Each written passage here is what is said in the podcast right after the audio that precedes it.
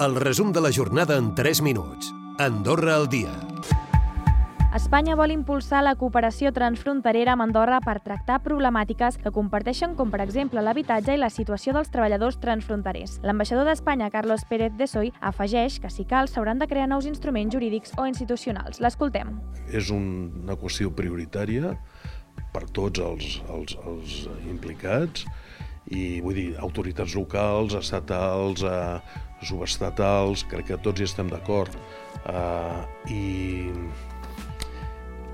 i doncs eh, la idea és impulsar-ho. I el mateix ambaixador també s'ha referit a l'acord d'associació de la Unió Europea, ha reiterat el suport d'Espanya a Andorra i el desig que el conveni estigui enllestit abans d'acabar l'any. I avui, diumenge 1 d'octubre, és el Dia Internacional de la Gent Gran. L'objectiu és sensibilitzar sobre la importància d'erradicar els prejudicis sobre les persones del col·lectiu. Des de la Federació de la Gent Gran reclamen més residències i prevenció en la salut. Asseguren que és un col·lectiu vulnerable a moltes de les problemàtiques que es viuen al país. Així ho explica el representant dels pensionistes, Jacint Rico però la, el nivell de vida és molt complicat amb el preu de l'habitatge, amb el preu de la cistella de la compra, amb el preu dels medicaments, amb el preu del que sigui s'està fent molts esforços amb el tema del 100% de la seguretat social, s'està fent molts esforços. També l'accés a l'habitatge és la principal preocupació dels joves, seguit de la salut mental i la seguretat. Ho constata la primera fase del Pla Nacional de Joventut, que han castat a 400 joves. El Fòrum de la Joventut espera poder presentar els resultats a principis del 2024. Escoltem el director del Fòrum, Anthony Franco.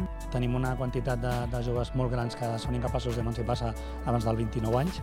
Eh, no, tenim, no tenim dades dels 29 als 35, Esperem que també amb aquest pla nacional s'actualitzin el, el, els indicadors. El retorn a casa dels pares és una cosa que preocupa, és a dir, el fet d'haver-se emancipat perquè tenies una bona feina, perquè estaves en parella, en el moment que aquesta situació desapareix eh, ja has, has de tornar. I el pressupost d'afers socials per a infants i joves ha viscut un creixement exponencial del 600% els últims anys.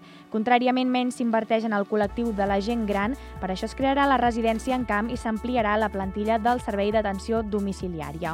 I l'últim dia de l'Andorra Crea ofert un espectacle a l'Auditori Nacional de Música Popular Catalana i una trobada de programadors. El festival tindrà una segona edició, tot i que es planteja canviar-la a la primavera o fer-la bianual. Tot i això, els objectius s'han assolit, com explica el cap d'Acció Cultural del Ministeri de Cultura, Joan Marc Joval.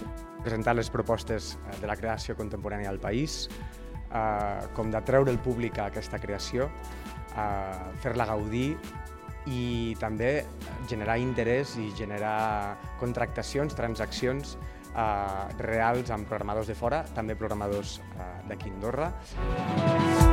Recupera el resum de la jornada cada dia a AndorraDifusió.d i a les plataformes de podcast.